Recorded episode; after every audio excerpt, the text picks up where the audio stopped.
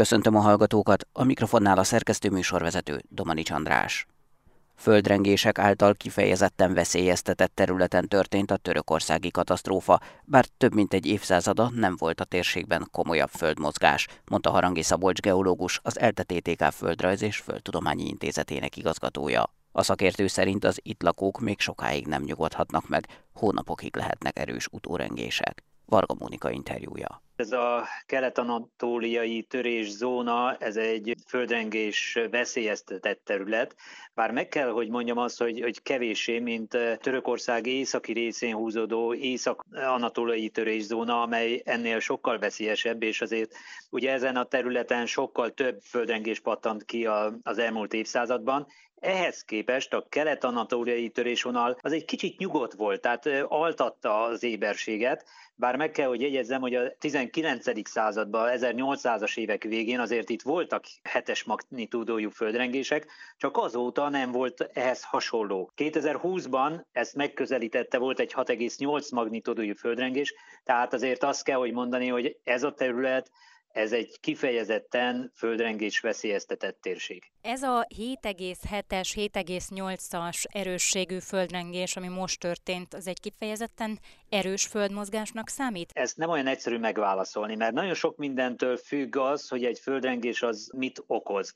Itt nem csak a magnitúdó, tehát a, a nagysága az, ami számít, hanem az is, hogy, hogy milyen mélyen történik az elmozdulás, és hogy milyen területen történik ez a földrengés. Magát a földrengésnek a felszíni hatását azt az intenzitással szokták kifejezni, amelynek szintén van egy skálája, egy 12 fokozatú skála, és ha jól tudom, ez a mostani földrengés, ez valahol a 9-es körüli értéken van. Ez azt jelenti, hogy ez egy nagyon-nagyon komoly felszíni hatású földrengés. Én emlékszem, hogy néhány évvel ezelőtt, ugye 2020-ban, amikor az a 6,8-as földrengés volt, akkor felvetették török szakemberek is, hogy itt a óriási nagy gond az, hogy az épületeknek a, a minősége az messze nem földrengés biztos, tehát itt sok a vájga épület, tehát azért gondoljuk be, itt a török-szíria határon vagyunk, a leginkább kitettebb térség, ahol rengeteg menekült van. Mi történik a kőzetlemezekkel egy földrengéskor egészen pontosan, vagy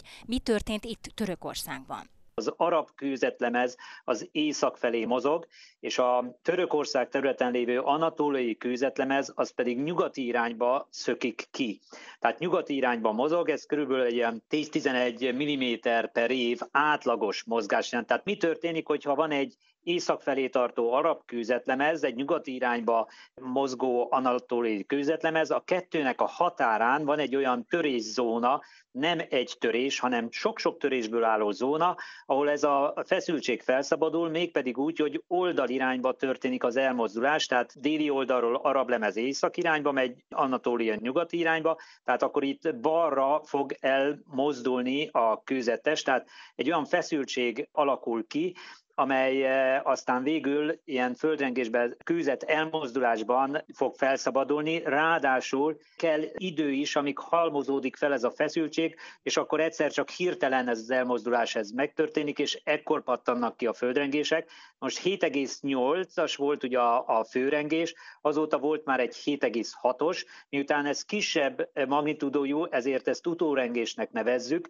tehát mindaddig, ameddig kisebb a, a rengés nagysága, az addig utórengés utórengés. Sok ilyet várhatunk. Még napokig lehetnek még, ilyen utórengések? Nem csak, hogy napok, hetekig akár, vagy adott esetben még hónapokig is, sőt, hogyha így lassan történik a megnyugvás, ez hosszú hónapokig is eltarthat, hogy kisebb-nagyobb földrengések kipattanjanak. Akár még hónapok múlva is lehetnek ötös, hatos erőségű földrengések is. De akkor ilyen Ez nagy, a... mint amilyen hétfő hajnalban volt, olyan már nem lesz? Tehát erősebb Hú. már nem lehet? Valószínűleg nem lesz ekkora, de ezt, ezt nem lehet állítani. Amit fontos hangsúlyozni, hogy az elmúlt évszázadban, bár voltak nagy földrengések, de nem voltak olyan nagyok, nem voltak hetesnél nagyobb rengések, de ha visszamegyünk évszázadokba, akkor, akkor lehet tudni, hogy ez a törészóna képes ilyen földrengésekre is. Na most ezt megállítani nem lehet, megúszni nem lehet. Ilyenek lesznek, lesznek majd a jövőbe is.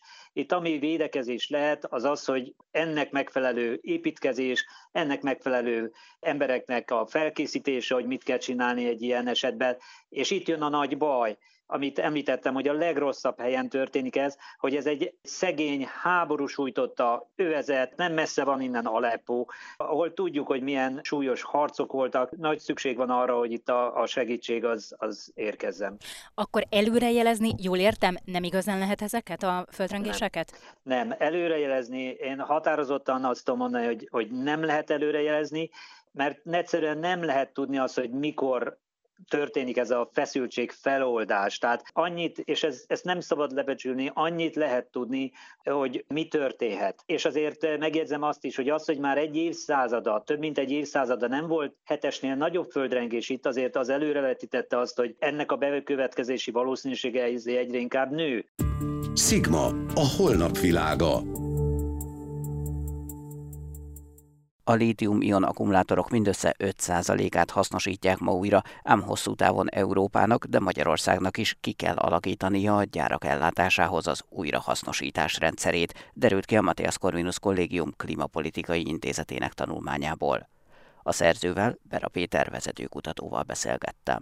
A lítium-ion akkumulátorok újrahasznosíthatóak, különböző eljárások vannak erre vonatkozólag. Az egyik a pirometalurgiai eljárás, ami egy magas energia igényel vesz igénybe, a másik a hidrometalurgiai, ami viszont veszélyes anyagokkal dolgozik, de jelenleg van szabadalmaztatás alatt is egy olyan eljárás, ami tulajdonképpen egyfajta ultrahangos újrahasznosítási eljárás. Erről még csak tesztek vannak, szabadalmaztatás alatt van, de ez elvileg jelentősen olcsóbb lehet, azt hiszem 60%-kal, mint az eddigi hagyományos újrahasznosítási eljárások. Mindezeket egyébként megelőzi egy fizikai hasznosítás is, tehát darálják, szétszerelik ezeket a, a litium akkumulátorokat. Mennyire élünk ezekkel a lehetőségekkel itt Európában? Az újrahasznosítás az jelenleg még kiaknázatlan terület. Korábbi adatok alapján 5% körüli lehet az újrahasznosítás. Ez főként azért is van, mert míg 2010-ben a felhasználása jóval kevesebb volt, ha most csak akkumulátorokról beszélünk, 2010-ben a, a teljes lítium fogyasztáshoz mérten az akkumulátorokban való felhasználása 23% volt, ugye ez 2021-re 74% lett, tehát ahogy folyamatosan nőttek a, az elektromos autókban való felhasználása, körülbelül 12 év alatt ugye ez jelentősen megnőtt, négyszeresére. Ez azt eredményezi, hogy mostanában az elkövetkezendő években lehet majd számítani az akkumulátoroknak, a litium akkumulátoroknak a tömeges megjelenésére, és csak ezek után lesz majd vélhetőleg nagyobb arányú majd a hasznosítás, egyre több cég fog átállni, egyre több cég fog kinőni a földbe, úgy mondjam, akik hasznosítani fogják ezeket mivel Magyarország jelenleg a, az akkumulátorgyártás egyik legfőbb központja, egyre nagyobb fejlesztések indulnak meg, meg beruházások ezen a területen, ezért jelentős stratégiai, gazdaságstratégiai kérdés lesz az akkumulátorok újrahasznosítása Magyarországon. Hogy kinyerjük belőle ezeket a nyersanyagokat, és hogy ellássuk vele ezeket a gyárakat és beszállítókat. Említette, hogy jelenleg 5% az újrahasznosított rész. Mi történik a maradék 95%-kal? Többnyire lerakóra kerülnek, hulladék lerakóra. Mennyire számítanak ezek veszélyes hulladéknak? Tekintettel arra, hogy, hogy vegyi anyagokat is tartalmaz, veszélyes anyagnak minősülnek, már az olomsavas akkumulátorok is egyébként veszélyes hulladék kategóriába sorolandók. A lítium, mint anyag, sem kimeríthetetlen forrás. Mennyire égető ez a probléma? Folyamatosan növekszik ugye a, a litiumok felhasználása. Bizonyos becslések alapján a 2021. évben maga a litium bányászati piac mérete 343 millió dollárnál is nagyobb volt. Az évtized végére akár az 584 millió dollárt is elérheti. Ez azt jelenti, hogy főként ugye az elektromos felhasználásához egyre többet kell kitermelni, és ugye az éves kitermelés alapján, ha veszük az országokat, ugye a három legnagyobb az Ausztrália, Chile és Kína. Európában most már egyre több jelenik meg, ugye egy bizonyos elemzés alapján néztem egy 2019-es becslést, amiben egyébként Portugália szerepelt 8. helyen, de, de viszont megjelentek most már Svédországban, két hete jelentettek be egy, egy ritka földfémbányát, ami egy millió tonnás készlettel rendelkezik körülbelül, ami az éves 120 milliós készlethez képest, hogy ez körülbelül hozzávetőlegesen 1 százalék, de Németország is bejelentette két évvel ezelőtt, hogy, hogy 400 millió autónak a ellátására lesz képes. Ezzel csak azt akar mondani, hogy egyre több bánya van, amit, meg egyre több kutatás van ezeken a területeken, amikor is kerülnek elő nyersanyagok, viszont elengedetlen lesz annak érdekében, hogy függetlenek legyünk európai szempontból, ahhoz, hogy minél nagyobb arányban hasznosítsuk ezeket az akkumulátorokat újra, hogy minél nagyobb nyersanyagokat nyerjünk ki, hiszen véges a, a nyersanyag erőforrások, pontosan nem tudjuk, hogy mennyi készlet van, egyébként lehet még úgymond a föld alatt, de a Nemzetközi Energiaügynökség szerint 2025-re a világ jelentős lítium és kobalt hiányjal nézhet szembe. Az újrahasznosítással, amivel a beszélgetést kezdtük, nagyjából mennyi része lenne visszanyerhető a lítiumnak egy-egy akkumulátorból? Pontos adatokat nem tudok erre vonatkozólag mondani. Ez sok mindentől függ egyébként, tehát a különböző veszélyes anyagoktól kezdve a, a műanyagon szereplő fém és egyéb társított anyag kompozitokon, tehát nagyobb arányban lehet egyébként a fémeket kinyerni, ugye ezek az eljárásokkal ki tudják nyerni nagy részt a fémeket. Van egy úgynevezett fekete massza, amiből szintén a nehéz fémeket is ki tudják ebből nyerni, és ott van még ugye a műanyagház is, tehát alapvetően a cellákból kinyerni maga a műanyagház is. Én azt gondolom egyébként, hogy nagyobb arányban ki lehet, ha lehet hasznosítani, mint hogy a jellegi elvárások. Azt tudom mondani, hogy a célértékek, amit az Európai Unió megfogalmazott, a hordozható akkumulátorok esetében 27 63 százalék kell, hogy legyen, illetve 2030-ra 73 százalék. Illetve az anyag visszanyerési célérték az, amit még külön meghatároztak, az 2027-re a litium esetében 50 százalék, 31-re pedig 80 százalék. Ennek mentén kell a gyártóknak kialakítani majd a gyártás során az akkumulátorokat is, hogy megfeleljen ezeknek a célértékeknek. Hosszú távon lát arra esélyt, hogy valamilyen új technológia leváltsa a jelenleg legnépszerűbb litium-ion akkumulátorokat? Vannak erre vonatkozólag kutatások, vannak erre ezzel vonatkozó pozitív példák is. Igen, én optimista vagyok ezen a területen. Sigma, a holnap világa.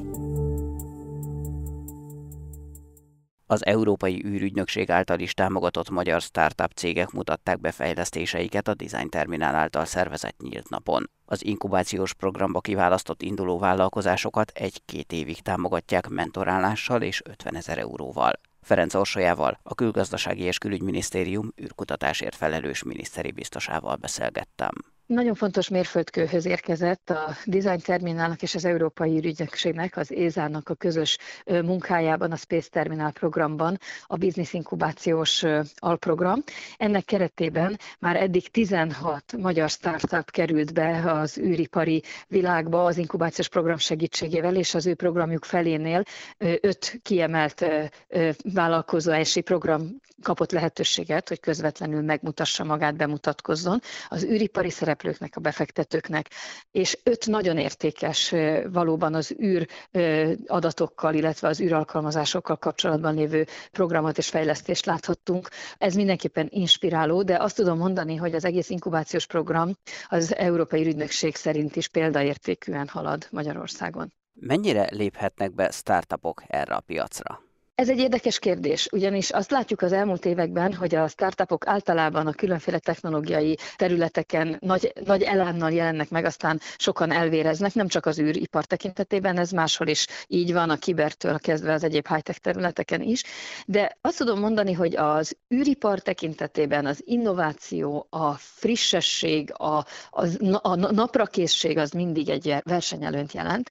Úgyhogy itt a startupoknak elég jó lehetőségei vannak, és az európai űrügynökségnek az inkubációs programja kifejezetten segítően, támogatóan lép fel a startupok világában. Kifejezett célja is az európai űrprogramoknak az, hogy minél több fiatal startupnak nyissanak teret, hiszen a legfontosabb ebben a szektorban az, hogy új és friss ötletekkel álljanak elő. Ez a program erre kiváló példát mutat, és valóban azt láttuk ezen a demo day-en, ezen a bemutatkozó napon, hogy kifejezetten előnyös, jó oldaláról mutatkozott mutatkozott meg a, a vállalkozókedv.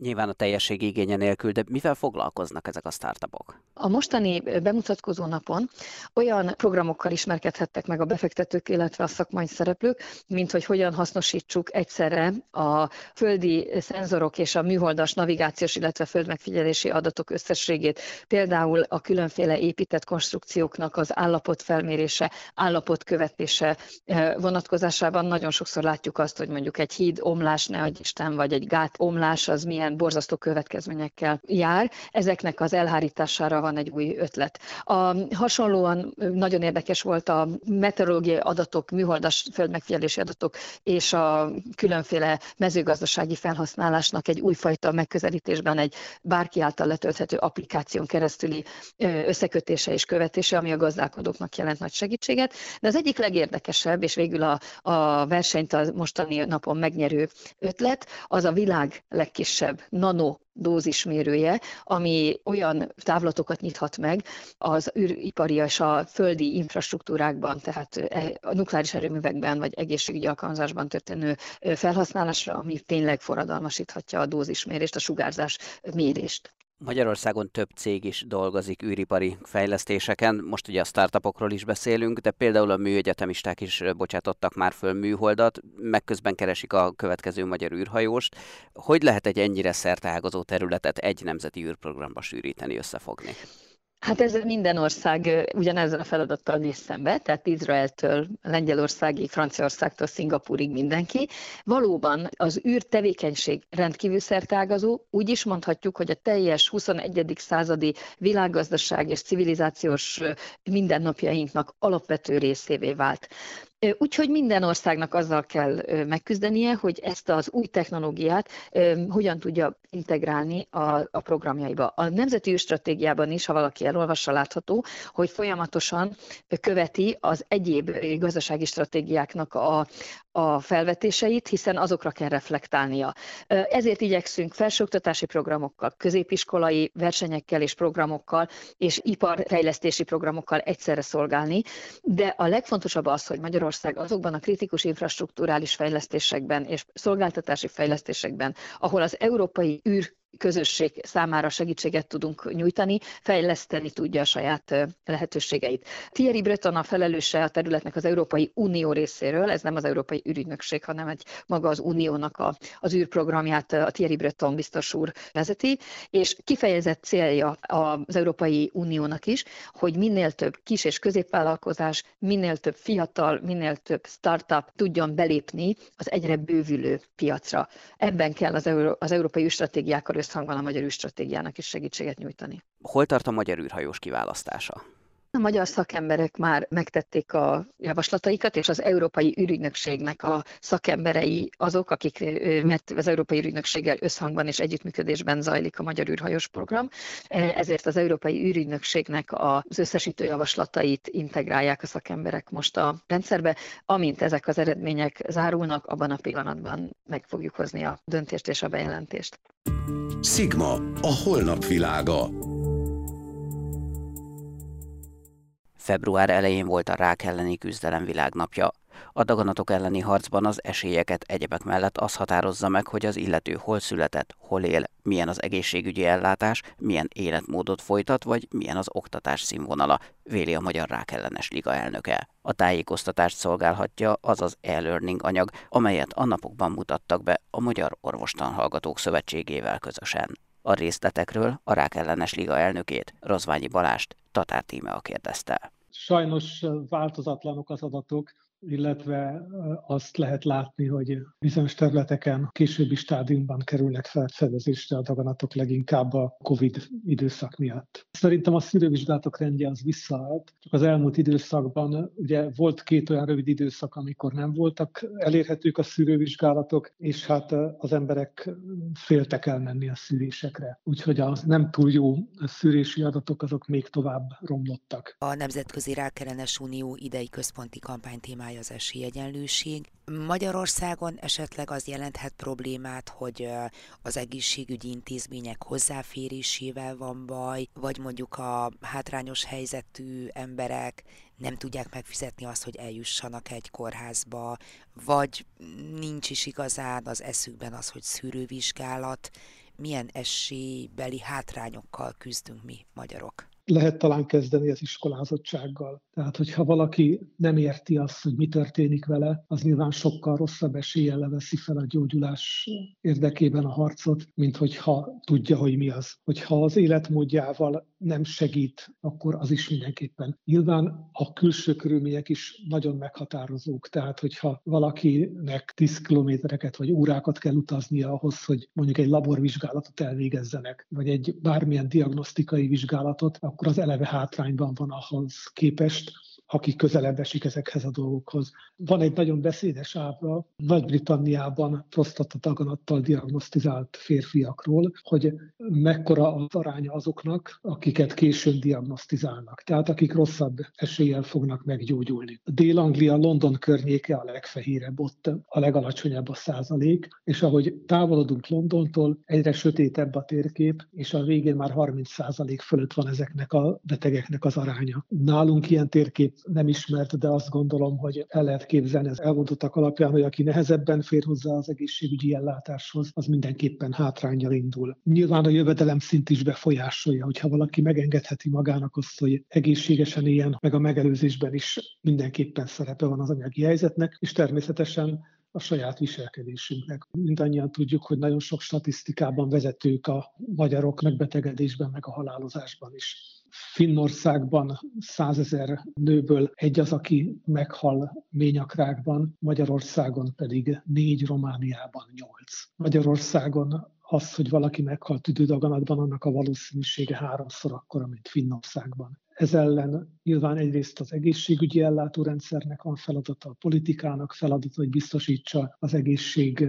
megőrzéséhez, illetve a gyógyításhoz szükséges feltételeket. Másrészt az egyéneknek van felelősségük, hogy a megfelelő életmóddal csökkentsék a daganat kialakulásának a kockázatát, illetve igénybe vegyék az egészségügyi ellátórendszer által felajánlott szolgáltatásokat. Készült egy ilyen e-learning tananyag, a Nemzetközi Rákutató Ügynökség angol és francia nyelven készítette el eredetileg, és mi most mutattuk be ennek a magyar nyelvű változatát. A tájékoztatás terén nagyon bizakodóak vagyunk, hogy ezt sokan igénybe fogják venni. Ez mindenki számára hozzáférhető, nem csak az orvostan hallgatók vagy gyakorló orvosok számára? Ez mindenki számára is ingyenesen hozzáférhető. A Magyar Rákensliga honlapján meg fog jelenni az oda vezető link, talán többen fogják az életükbe valóra is váltani ezeket a tanácsokat. Műsorunkat teljes egészében meghallgathatják az infostart.hu és az mta.hu oldalon. Búcsúzik Önöktől a szerkesztő műsorvezető, Domani András.